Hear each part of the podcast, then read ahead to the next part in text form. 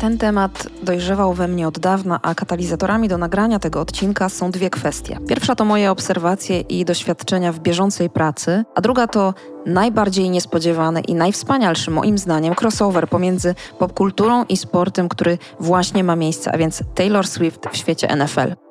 Do rozmowy zaprosiłam dziś Joannę Gutral, psycholożkę i psychoterapeutkę poznawczo-behawioralną. Asia jest doktorem nauk humanistycznych w zakresie psychologii i prowadzi wspaniały podcast Gutral Gada, który bardzo polecam. O czym dziś? Otóż o tym, dlaczego kibicujemy sportowcom, jaką rolę spełnia to w naszym życiu i o tym, w jaki sposób kibicować świadomie i zdrowo. Zapraszam serdecznie. Dzień dobry, wspaniale Cię widzieć. Dzień dobry, Ciebie również. Państwo nie mogą widzieć, ale za to mogą słyszeć. A ja lubię bardzo te nasze pogadanki i na dobry początek mam do Ciebie pytanie. Czy masz swoich ulubionych sportowców? Tak. A powiesz kogo? No to od razu zostanę posądzona, wiesz, tutaj o zaproszenie po koligacjach, no bo jedna ze zawodniczek, z którą pracujesz, zdecydowanie jest jednym z wielu moich ulubionych sportowców, ale ostatnim takim wielkim moim zamiłowaniem jest futbol amerykański i Patrick Mahomes. Długo szukałam swojego ulubionego zawodnika, bo lubię mieć taki takich role models w sportach, którymi się interesuję, to tak na dobry początek. Może potem jeszcze w toku rozmowy zdradzę Ci paru innych ulubionych zawodników. Okej. Okay. A czy to, że zainteresowałaś się futbolem amerykańskim, a już tym bardziej to, że to Kansas City Chiefs ma jakikolwiek związek z takim wybitnym, powiedziałam to zresztą we wstępie, crossoverem pomiędzy popkulturą i sportem, którego świadkami jesteśmy od kilku miesięcy? Myślę, że na pewno trochę się do tego przyczyniło. Znaczy przyczyniło się też do tego to, że akurat tuż przed playoffami wylądowałam w Stanach i to był taki temat numer jeden, o którym wszyscy rozmawiali, wszyscy w moim otoczeniu. Zresztą w czasie Świąt Bożego Narodzenia odbywały się rozgrywki i po prostu działy się święta, a w tle leciały mecze i nikogo to w żaden sposób nie bulwersowało. Nie było wyłączcie telewizor, bo leci mecz. Po prostu one się działy i wszyscy jakoś chcieli być na bieżąco i śledzili to, co się dzieje. Natomiast w momencie, w którym zaczęła się dziać publicznie miłość Travisa Kelsey i Taylor Swift, no to też w jakiś sposób, przez to, że to się ciągle gdzieś tam pojawiało, miałam taką potrzebę, żeby zrozumieć, o co w tym chodzi i dlaczego budzi to tak skrajne emocje. No więc oglądając futbol po prostu zaczęłam łączyć kropki. Jasne. To zanim do tego łączenia kropek przejdziemy, to jeszcze wracając do mojego pierwszego pytania, chciałam Cię zapytać, po co Ci to kibicowanie i po co Ci ci ulubieni sportowcy? A to jest bardzo duże pytanie i złożona historia. Czy u Ciebie w domu oglądało się sport? Tak. No widzisz, i u mnie też się oglądało sport. Co więcej, ja miałam takie poczucie od dziecka, że to jest jakiegoś rodzaju święto. Na przykład Igrzyska Olimpijskie są świętem. I wtedy to było jasne, co się robi po południu, kiedy się wróci z pracy, kiedy rodzice moi wrócą z pracy. Po prostu będziemy siedzieć i oglądać sport sportowców. Będziemy śledzić ranking medali. Pamiętam, że mój ojciec wydzierał mi z przeglądu sportowego taką drabinkę z różnych na przykład mistrzostw świata w piłce nożnej czy euro, żeby się uzupełniało kto z kim, kto wychodzi z jakiej fazy. Uzupełniałam, wisiało to u mnie nad biurkiem. Ja twardo po prostu uzupełniałam aż do samego końca, do finału. Zapisywałam wynik, kto strzelił gola w której minucie i tak dalej, więc to miało pewnego rodzaju wymiar takiego święta, ale też czegoś na takim wymiarze relacyjnym, czegoś, co budowało relacje rodzinne, a potem oczywiście to się przynosiło na relacje podwórkowe, na relacje szkolne, na relacje w grupie rówieśniczej, no bo był to jakiś temat do dyskusji, oczywiście w zależności też od dyscypliny, jaką się śledziło. Co więcej, no ja pochodzę ze Słupska, a w Słupsku zawsze ważna była koszykówka. Oczywiście. I w zasadzie, tak, Czarni Słupsk forever, więc jeżeli się nie interesowałaś koszykówką, no to też omijałeś omijała cię jakaś część tego życia społecznego. To znaczy, po prostu, jeżeli nie byłaś na meczu albo nie wiedziałaś, jaki był wynik, no to przychodząc na drugi dzień do szkoły, coś cię omijało. Więc ja nie wiem, czy to było tak, że ta potrzeba gdzieś we mnie nagle urosła i ja już tutaj stałam się kibicką z takiej własnej wewnętrznej motywacji, czy raczej to otoczenie, ten kontekst społeczny, w którym się wychowywałam, sprawiał, że to kibicowanie zaczynało być ważne na dwójnasób.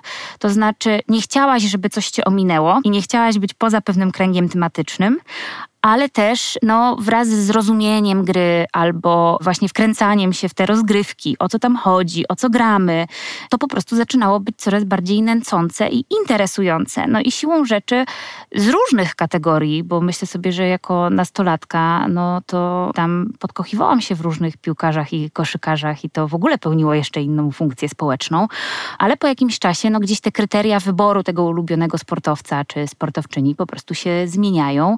No i chcesz mieć pewien sposób przywiązania do jakiegoś idola, bo myślę sobie, że to niedaleko pada od muzyka, od aktora, od kogoś, za kim po prostu przepadasz, z kim tworzysz jakąś taką więź, to gdzieś zaczynasz po prostu śledzić tę karierę i przebieg tej kariery. Jeden z tweetów, który mignął mi przy okazji tego uczestniczenia i wejścia Taylor Swift do świata futbolu amerykańskiego, do NFL, brzmiał mniej więcej w taki sposób, że wszyscy ci, którzy krytykują Taylor Swift za to, że swoją obecnością rujnuje futbol, powinni puknąć się w głowy, ponieważ moja, czyli autora tego tweeta, 14-letnia córka w minioną niedzielę przyszła do mnie i zapytała mnie, czy może obejrzeć ze mną mecz.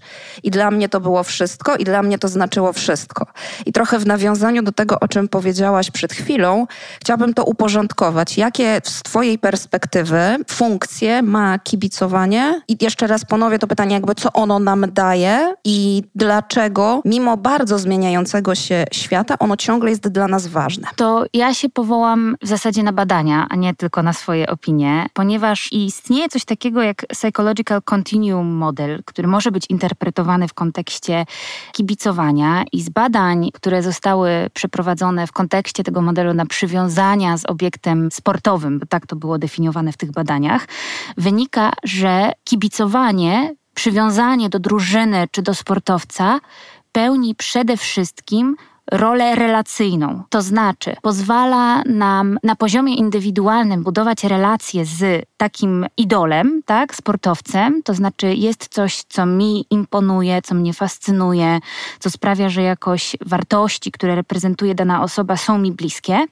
Po drugie, pozwala mi na przykład uczestniczyć w wydarzeniu sportowym z osobami, które są dla mnie ważne, lub oglądać dane wydarzenia. I tutaj znowu na różnych poziomach, na poziomie rodzinnym, na poziomie poziomie przyjacielskim, ale także na poziomie takich małych społeczności. Na przykład moje miasteczko. Albo, albo dzisiaj, przepraszam, internet, media społecznościowe, prawda? No, mogę brać udział w dyskusjach internetowych dotyczących, nie wiem, postępów czy wyników jakiegoś sportu. Pytanie, na ile pełni to charakter relacyjny, a na ile kompetencyjny.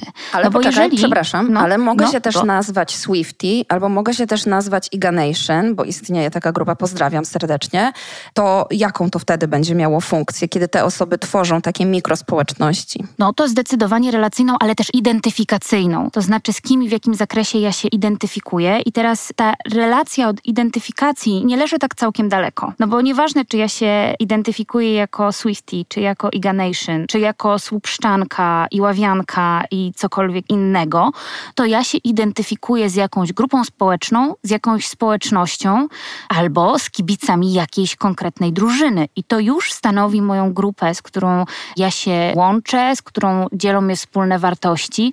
Co więcej, nie wiem na ile to jest popularne w Polsce. No w Warszawie na pewno koszulki Legii są widoczne na ulicach, ale w Stanach no nie każde miasto, nie każdy stan ma swoją drużynę, która osiągałaby wielkie sukcesy.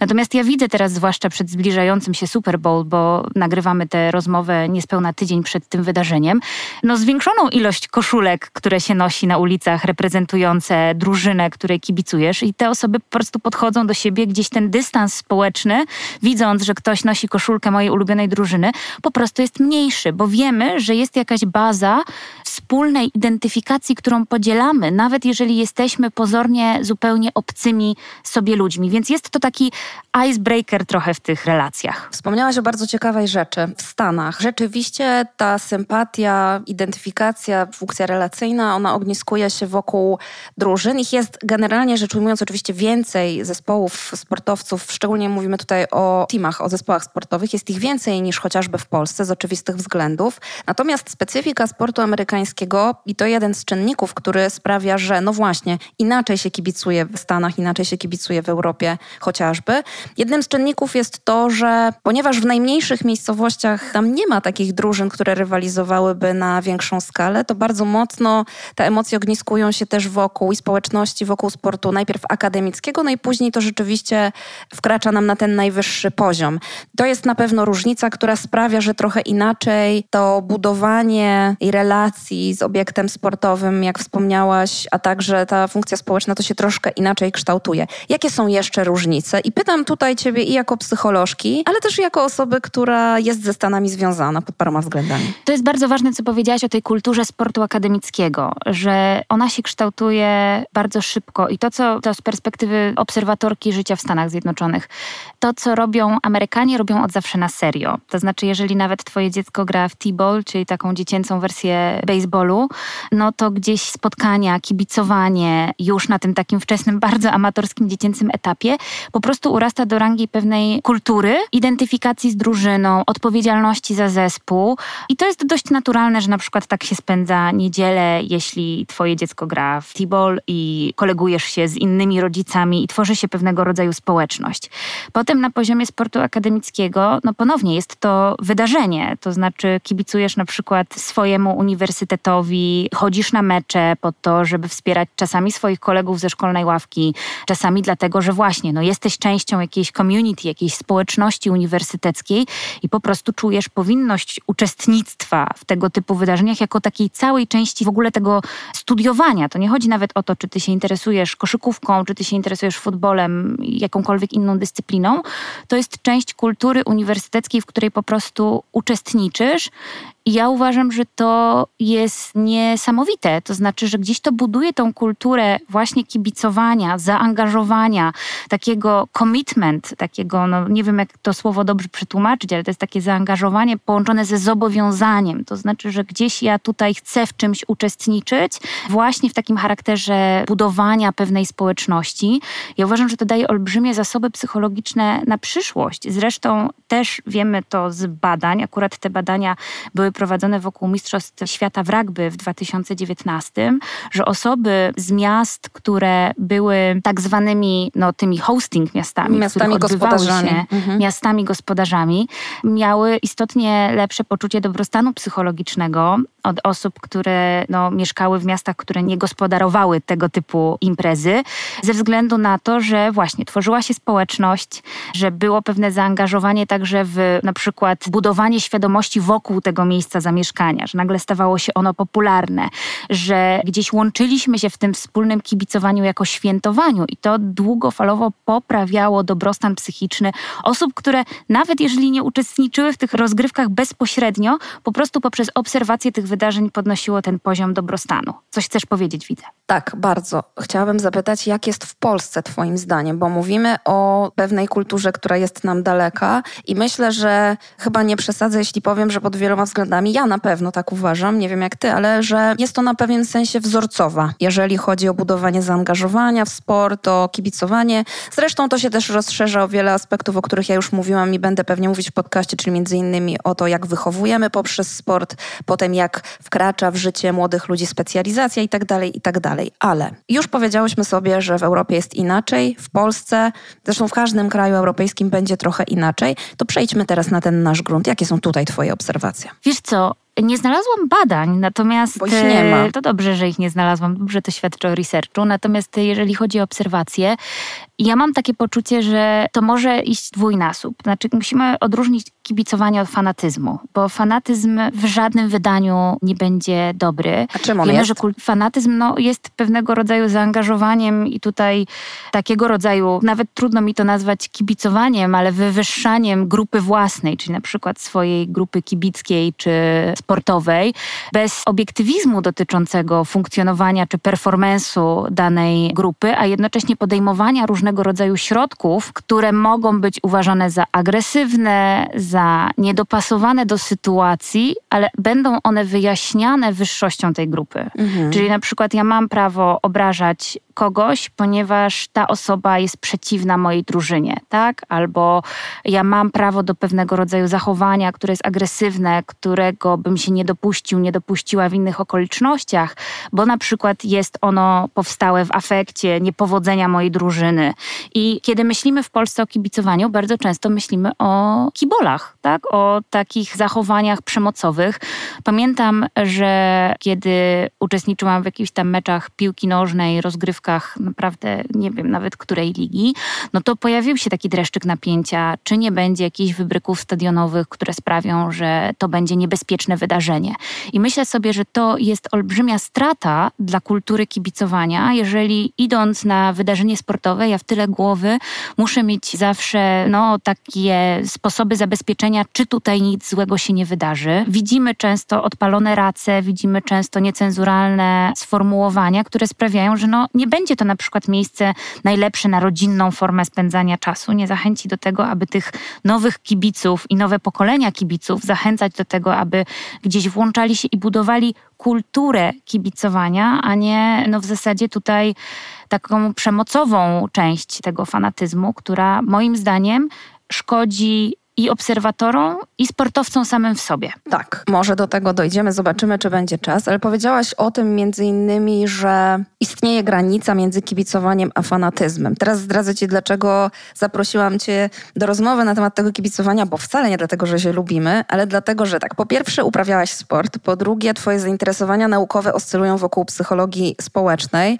a po trzecie dlatego, że jesteś psychoterapeutką, w związku z czym mam takie głębokie poczucie, że masz jakby przegląd tego wszystkiego, tego, o czym ja bardzo chcę dzisiaj porozmawiać. I tą następną kwestią jest to, że chciałabym chyba z tej bardziej takiej terapeutycznej perspektywy Cię zapytać, to jak rozpoznać na przykład granice, nawet u siebie, bo myślę sobie tak, mamy media społecznościowe. W tych mediach społecznościowych wobec różnych wydarzeń, występów sportowców stworzy się specyficzny klimat. My się angażujemy tak czy inaczej i może dojść na przykład do takiego momentu, że że zaczynamy angażować się mocno, mocniej, bardzo mocno i właśnie moje pytanie z tej perspektywy prawdopodobnie psychoterapii, no to gdzie i jak zaobserwować u siebie granice, żeby nie przekroczyć tego punktu bycia kibicem i nie wejść w tą strefę fanatyzmu? Ja nawiążę do teorii umysłu, którą ostatnio wyjaśniam bardzo dużo zmiennych właśnie w kontekście takich interakcji ludzi pomiędzy sobą.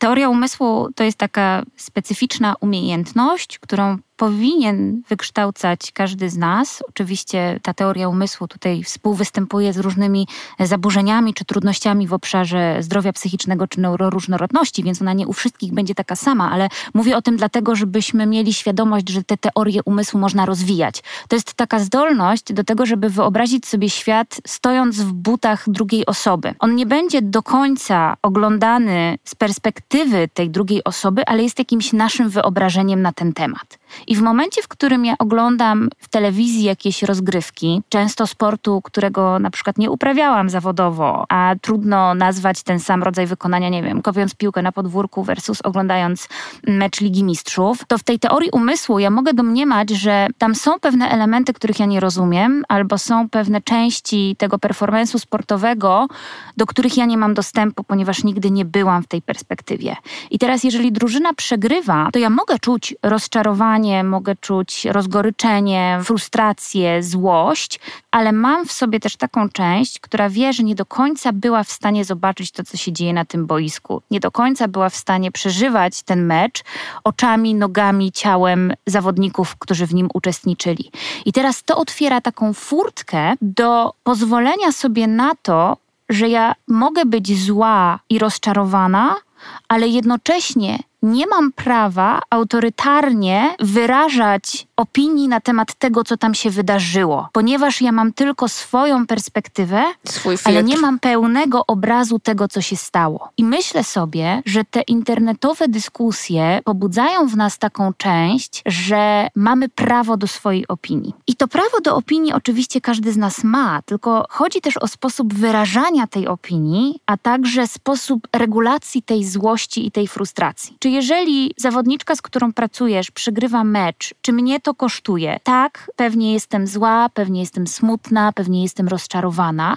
Natomiast kim ja jestem, aby móc tą swoją złość, frustrację czy rozczarowanie w jakiś sposób publicznie wyrażać, jeszcze przypisując jakieś cechy lub motywacje danej osoby. Bo widzisz, kiedy ja powiem, że oni przegrali, bo im się nie chciało, albo cokolwiek, to ja zakładam, że wiem o tym ich świecie wszystko. To znaczy, że ja tam byłam w tym ich butach, że mój ogląd tej rzeczywistości jest jedynym słusznym i prawidłowym, natomiast mając w sobie te teorie umysłu, zakładając, że hej, ja nie wiem, jak to jest być zawodowym sportowcem, ja nigdy nie byłam na tego typu wydarzeniu, nigdy w nim nie uczestniczyłam i może są tam jakieś zmienne, o których ja nie mam pojęcia, pozwala odrobinę obniżyć ten poziom napięcia. To obniżenie poziomu napięcia już otwiera nam kolejną furtkę do tego, żeby zadecydować, w jaki sposób ja chcę te swoje emocje wyregulować. Czy ja chcę sobie porzucać łaciną pod nosem przed telewizorem, oglądając studio pomeczowe, czy ja chcę iść na Twitter i po prostu wylać wiadro pomyj. Ale otwierasz kolejne wątki. Poczekaj. Po pierwsze, myślę sobie o tym, że jedno łączy się nam z drugim, to znaczy, jeżeli my jesteśmy nawet sami, by bylibyśmy sami w tej naszej złości, frustracji z powodu tego, że nasz ulubiony sportowiec doznaje niepowodzenia, przegrywa lub nasz ulubiony zespół. Zresztą tak było przed czasami powszechnego dostępu do internetu. To regulowaliśmy sobie te emocje podczas obiadu niedzielnego, kiedy małyż, choć zdarzało się to rzadko, nie skakał tak, jakbyśmy sobie tego no właśnie życzyli. A dzisiaj ta możliwość, i tak jak powiedziałaś, nie, że to jest takie sprzyjające temu środowisko, ta możliwość wygłoszenia swojej opinii w internecie sprawia, że trochę trudniej trudniej nam jest czasami włączyć taki przycisk pauzy, przypomnieć sobie o tym, że kontekst jest ważny i my go możemy nie znać i że prawo do wygłoszenia opinii nie zawsze oznacza, że warto to robić, że warto te opinie wygłaszać.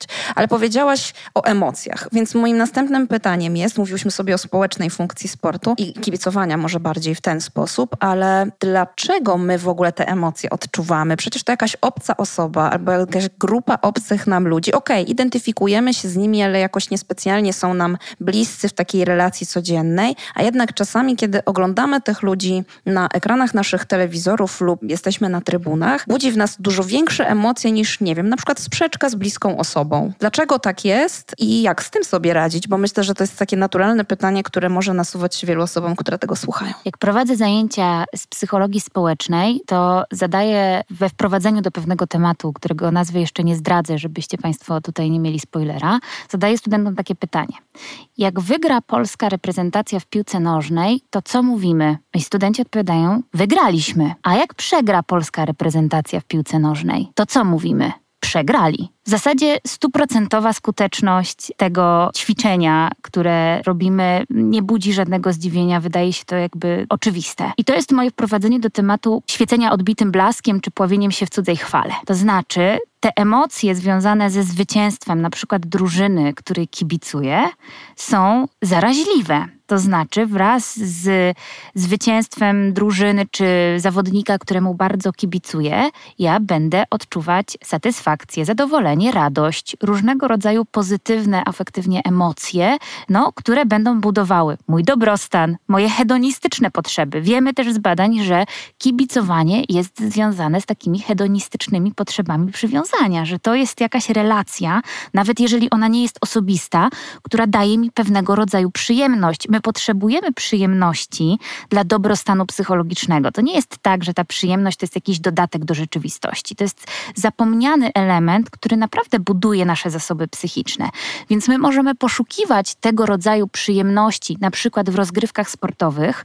No i teraz, jeżeli zasiadam do meczu i mam takie wyobrażenie, że moja drużyna wygra, są oczywiście emocje, napięcie, które też mogą być w pewien sposób ekscytujące, rajcujące i to też mi daje pewnego rodzaju pobudzenie, na przykład po trudnym tygodniu pracy, no i ja sobie tutaj wyobraziłam, że będę miała świetny dzień z wygraną kogoś, komu kibicuję, zwłaszcza jeśli te szanse jeszcze były na przykład wysokie, że to była osoba, która gdzieś tutaj była nominowana na zwycięzcę i to jest akurat zgodne z moją linią kibicowania. I nagle się okazuje, że tak się nie dzieje no to wtedy to rozczarowanie boli dwa razy bardziej. Ale to też jest ciekawe, powiedziałam, że jeżeli tutaj zawodnik, któremu kibicujemy, ma większą szansę na wygraną, jest dużo badań na temat psychologii tego underdog, czyli tych, którzy gdzieś nie są mianowani do zwycięstwa i te uczucia będą tym większe, im niższy będzie nasz poziom przywiązania do którejkolwiek z drużyn, że kibicujemy tym, którzy są na straconej pozycji, bo lubimy zwroty akcji, niespodziewane zakończenia, ale także takie piękne historie, że na przykład coś, co było no, niżej szacowane, często uważane za prawie niemożliwe, nagle się stało, buduje to wiarę, buduje to nadzieję, buduje to takie poczucie, że no, może ja też w swoim życiu w różnych rzeczach, których jest niska szansa na powodzenie, będę w stanie być tym underdog i w jakiś sposób ten los przewrócić. Więc przede wszystkim przyjemność, radość, która jest zaraźliwa, na przykład związana ze zwycięstwem, ale także nadzieja, poczucie sprawstwa. To są takie kawałki, które gdzieś to kibicowanie może dawać. No a jak jest trudno i jak nasz ulubieniec przegrywa i mamy ochotę napisać na tym Twitterze, albo nawet to robimy. Potem myślimy sobie może trochę za dużo, ale pod wpływem emocji, albo mamy poczucie, że to jest dobre miejsce do tego, żeby podzielić się tym, jak nam jest, wyrazić swoją opinię, w jakiś sposób wyregulować w ten sposób nasze emocje. Ktoś inny to podbija, ponieważ jesteśmy w takiej grupie i nawet wiemy, że może można byłoby być inaczej. Czytamy, słuchamy wielu rzeczy na temat tego, że kibicowanie może być zdrowe, ale może być też takim, które na przykład prowadzi. To może za chwilkę, jak wystarczy nam czasu do hejtu, to, to pewnie temat jest na zupełnie oddzielną rozmowę.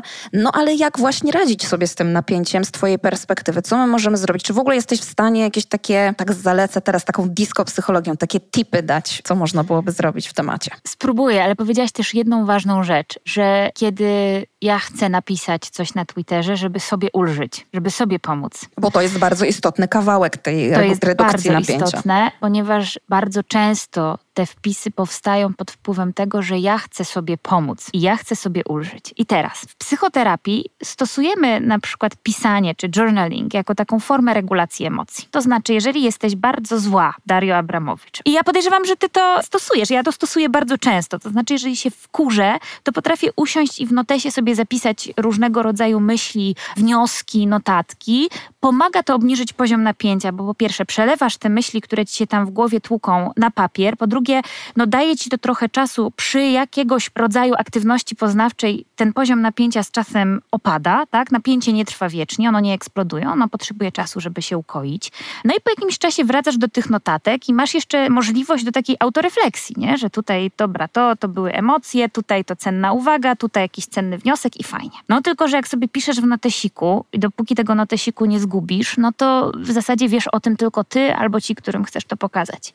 Twitter czy wszelakie inne platformy społecznościowe, to jest taki notesik dostępny dla każdego, który będzie chciał kliknąć i zobaczyć, co tam napisałaś. Co więcej, widząc taki wpis, może to stanowić czynnik wyzwalający dla innego rozczarowanego kibica. No i w tym momencie z głosów takich pojedynczych, publicznych notesików robi nam się cała księga osób, które dostają też społeczne przyzwolenie na to, obserwując inne tweety, że to jest ok, żeby w ten sposób pisać. Że to jest pewnego tych, rodzaju standard. Że to jest pewnego rodzaju standard, że to jest akceptowalne, że to zbiera lajki, dostaje wzmocnienia, dostaje te serduszka i dostaje jakieś inne komentarze, które mówią, ale dobrze jej napisałeś, tak? A dobrze, niech idzie do piekła i tak dalej. No więc zamiast to napięcie osłabiać, zaczyna to napięcie trochę podkręcać. To znaczy my się wzajemnie napędzamy do tego, żeby generować te fale hejtu i złości, bo dostajemy wzmocnienia, czyli właśnie te lajki, czy tam inne uznania, wyrazy aprobaty i uznania.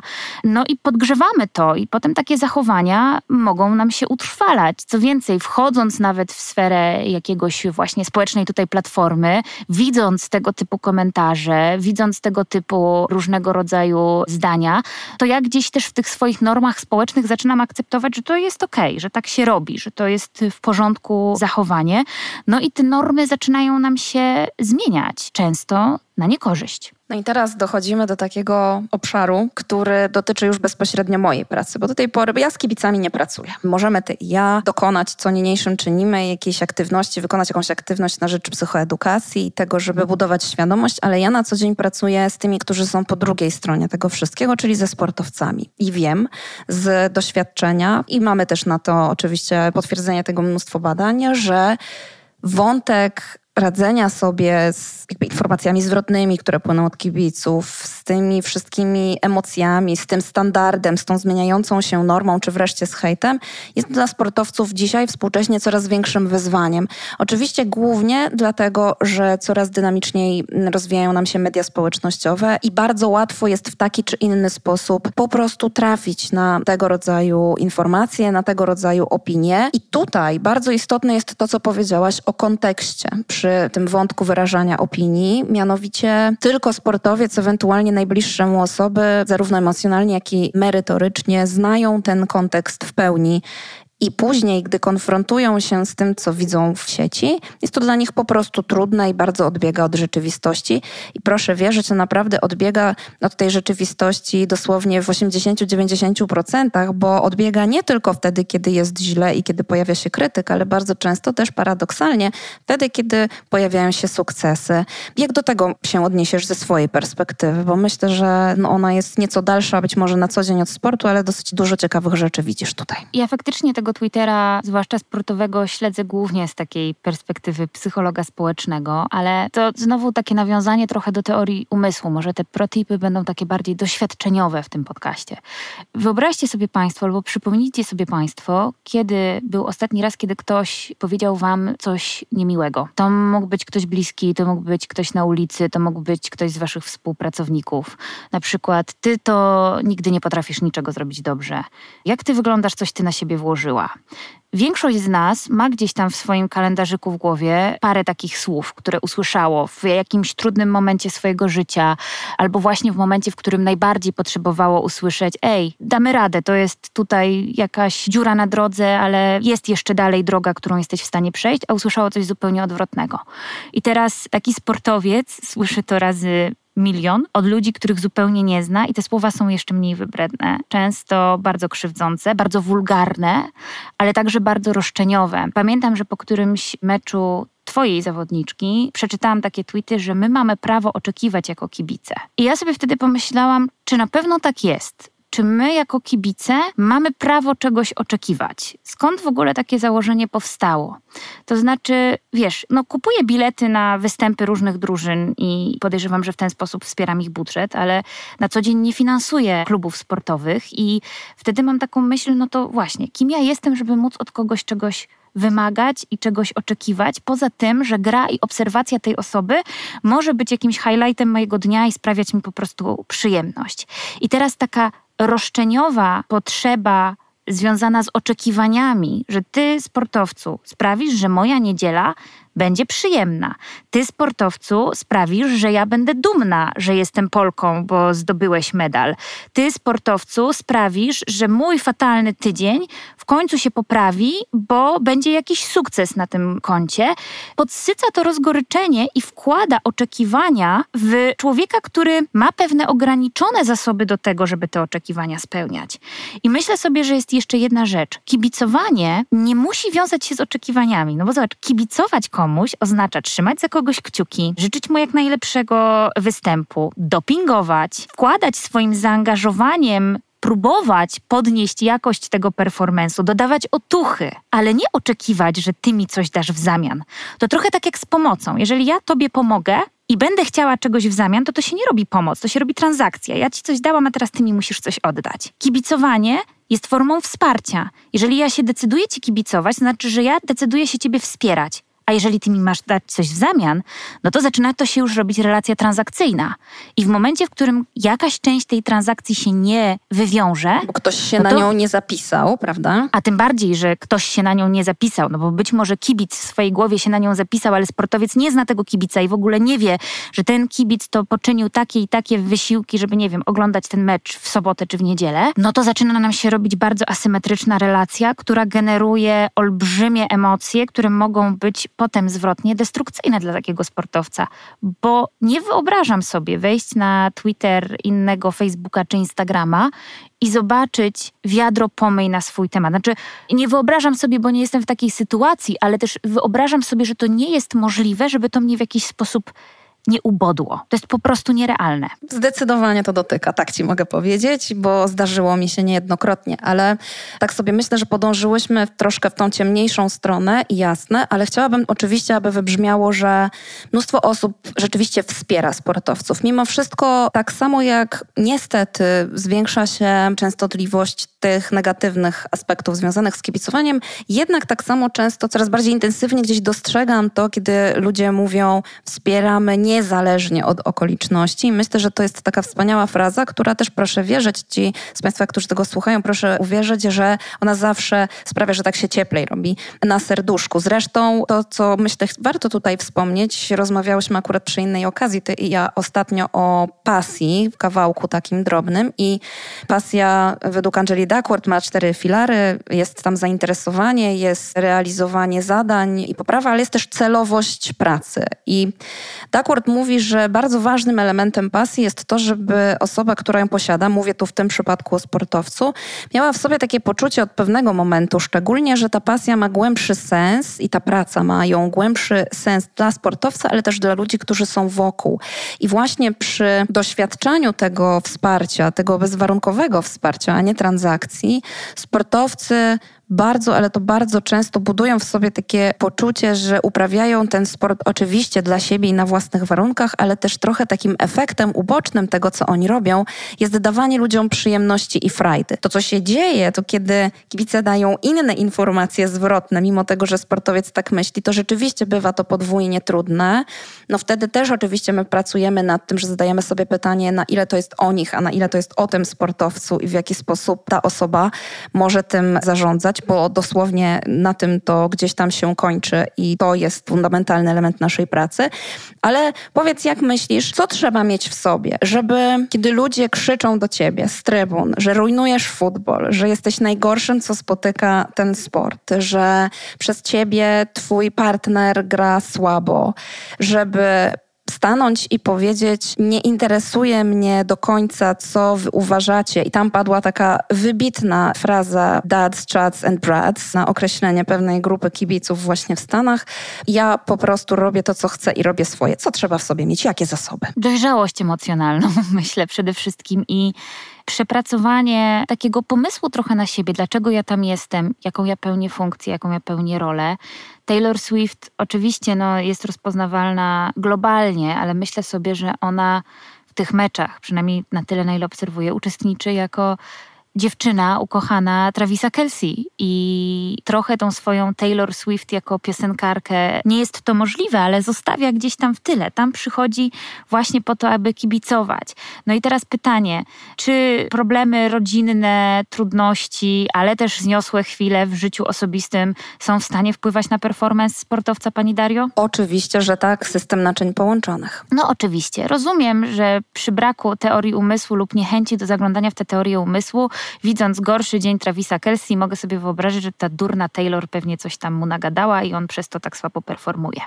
Co więcej, wiemy, że odkąd Taylor Swift zaczęła pojawiać się na meczach Kansas City Chiefs, no, oglądalność tego sportu wzrosła. Umówmy się, bo trzeba oddać tutaj cesarzowi co cesarskie, gigantyczne zyski dla całej franczyzy od momentu, kiedy Taylor Swift pojawiła się w tym środowisku. No więc pokazują to Taylor często, bo przekłada się to na też Ale zarobki. Nie, czekaj, czekaj. Ty mówisz no. często, a ktoś ostatnio wyliczył, bo oczywiście, że w internecie trwa ogromna dyskusja na ten temat, że mecz, którego transmisja trwa już kilkaset minut, łącznie podczas całego meczu pokazywano w różnych przebitkach Taylor Swift na przykład 40 sekund. Ale no, jednak ja rozumiem, to że, boli ogromnie. No rozumiem, że też w przypadku czasu antenowego takiego wydarzenia 40 sekund to jest bardzo dużo, ale pomyślcie sobie Państwo o tym, ile córek obejrzało mecze ze swoimi ojcami właśnie przez te 40 sekund. Ile nowych kibiców zaczęło dołączać do oglądania futbolu amerykańskiego, o ile więcej osób obejrzy Super Bowl 2024, to się dopiero okaże. A ty będziesz oglądała? Ale e, oczywiście, że będę oglądała. Zresztą on wypada w moje urodziny. Powiedziałam, że nie chcę nic robić, chcę oglądać Super Bowl i po prostu móc kibicować, ale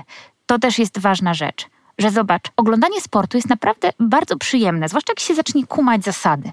Nie? I tam sobie oglądasz. Mi to sprawia olbrzymią przyjemność. I teraz w momencie, w którym będziemy mówić e, sport jest dla prawdziwych mężczyzn. Bardzo mi się podoba, a... jak ty zmieniasz głos. to już drugi raz dzisiaj, to jest bardzo zabawne, przepraszam. Słuchaj, wiesz co, bo tro, trochę nawiązuje do tego dads, chats i nie pamiętam, tak, co tam jeszcze było, że gdzieś oni w mojej głowie brzmią takim głosem, bo ja myślę sobie, że to są głosy, które my znamy z takiego codziennego. A baba nie wie, co to jest spalony. No to wytłumaczmy tej babie, co to jest spalony, tak żeby mogła oglądać i czerpać radość z oglądania tej piłki nożnej. To nie jest tak, że my jakoś nie jesteśmy w stanie no, poznawczo no objąć tak, wiesz, tego czym jest spalony. Troszkę stereotypy, troszkę uprzedzonka się pojawiają, nie? No więc pojawienie się takiej fuzji Taylor Swift i Travis Kelsey, przynajmniej dla tych osób, z którymi oglądam ten futbol tutaj, stanowiło świetną okazję do tego, żeby nauczyć swoje nastoletnie córki zasad futbolu. I ja towarzyszyłam tym nastoletnim córkom, ponieważ przypomnę, ja zupełnie nie wiedziałam, na czym polega futbol. I słuchałam z otwartą paszczą, na czym polegają te różne zagrania, kim jest ten pan z mikrofonem, jeden, drugi, trzeci przy linii bocznej, co się teraz wydarzyło. I to ponownie może budować aspekt relacyjny. To znaczy, Travis Kelsey i Taylor Swift stali się parą, ona jest na trybunach, on gra na boisku, a przed telewizorami siedzą ojcowie i córki, partnerzy i partnerki, którzy mają możliwość stworzenia jakiejś takiej wspólnej pasji, wspólnego rytuału. Rytuały są budujące dla relacji, że my sobie możemy oglądać ten futbol razem, nawet jak już ten Travis Kelsey przestanie grać albo odpukać rozstanie się z tą Taylor Swift.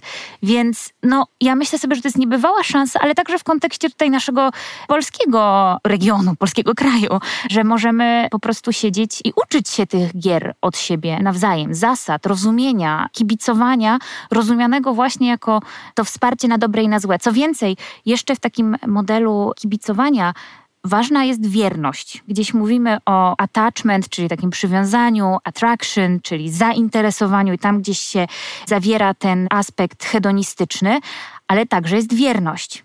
No jak pomyślimy sobie o tej wierności, no to przychodzi takie stereotypowe na dobre i na złe. No więc w momencie, w którym mój zawodnik czy drużyna przechodzi przez złe, a ja idę do tego internetu i wylewam to wiadro pomyj, to ten sportowiec, który to widzi, zaczyna szybciej i częściej powątpiewać także w sens tego, co robi, ponieważ w myśl tego fundamentu pasji ucieka mu jeden z jej najważniejszych filarów, czyli celowość.